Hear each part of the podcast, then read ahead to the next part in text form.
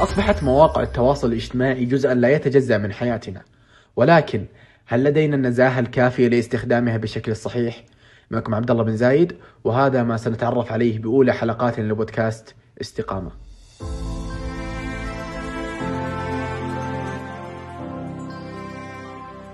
فرضت مواقع التواصل الاجتماعي نفسها في الفترة الأخيرة على ساحة الإعلام كرقيب مجتمعي قوي ولم يعد دورها مقتصر على إرسال واستقبال الرسائل بأنواعها فقط بل أصبح لها وظيفة جديدة مؤخرا وهي الكشف عن القصور في آداء بعض الجهات. أيضا كشف ظواهر اجتماعية كانت تمر سابقا دون أي ملاحظة.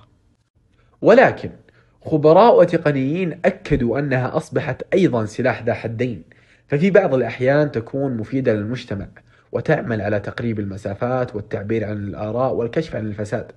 بينما في أحيان أخرى تتحول إلى نقمة وتعمل على بث الفتن وإلصاق التهم وترويج الشائعات. ولكن لا يختلف إثنان أن لها سماتها الكثيرة التي قد تكون إيجابية لشخص وسلبية لشخص آخر. وسأذكر لكم بعضا منها. أولا كونها تتيح فرص للشباب في التعبير عن أفكارهم. وثانيا الحصول على الدعم والمشاركة. ثالثا الحصول على فرص عمل والتسويق للمشاريع. وأخيرا الاتصال الدائم بالعالم.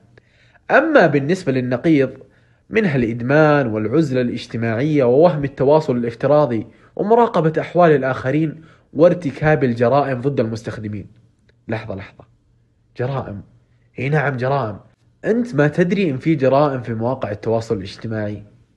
شهدت السنوات الأولى من القرن الواحد والعشرين زيادة ملحوظة في معدلات الجريمة وسرعة انتشارها وتعدد أنواعها وأساليبها.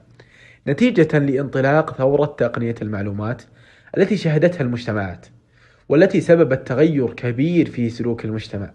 أدى هذا التغير لظهور جرائم جديدة مثل الجرائم الإلكترونية وجرائم التزوير والاحتيال والإرهاب بالإضافة إلى جرائم الخطف والسرقة والتهديد والقذف والتشهير وغيرها من الجرائم التي حصلت في مختلف دول العالم والتي يترتب عليها عدة عقوبات.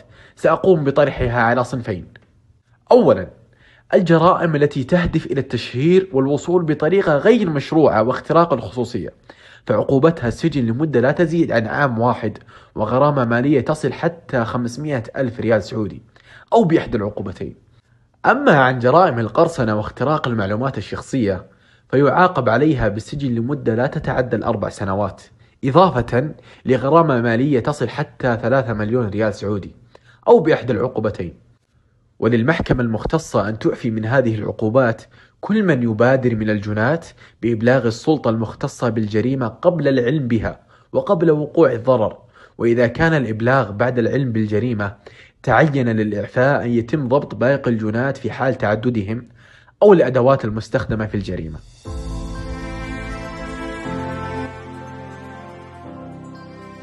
ونختم موضوعنا بسؤال الحلقة وهو هل التعدي والشتم في مواقع التواصل الاجتماعي يعتبر جريمة؟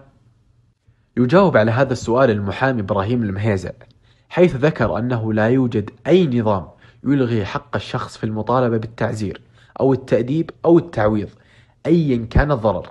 ولكن تقع الإشكالية والصعوبة في إثبات شخصية المتعدي. إلى هنا وصلنا لختام حلقتنا ونتمنى أنها نالت على إعجابكم. نشوفكم في الحلقات الجاية. في أمان الله.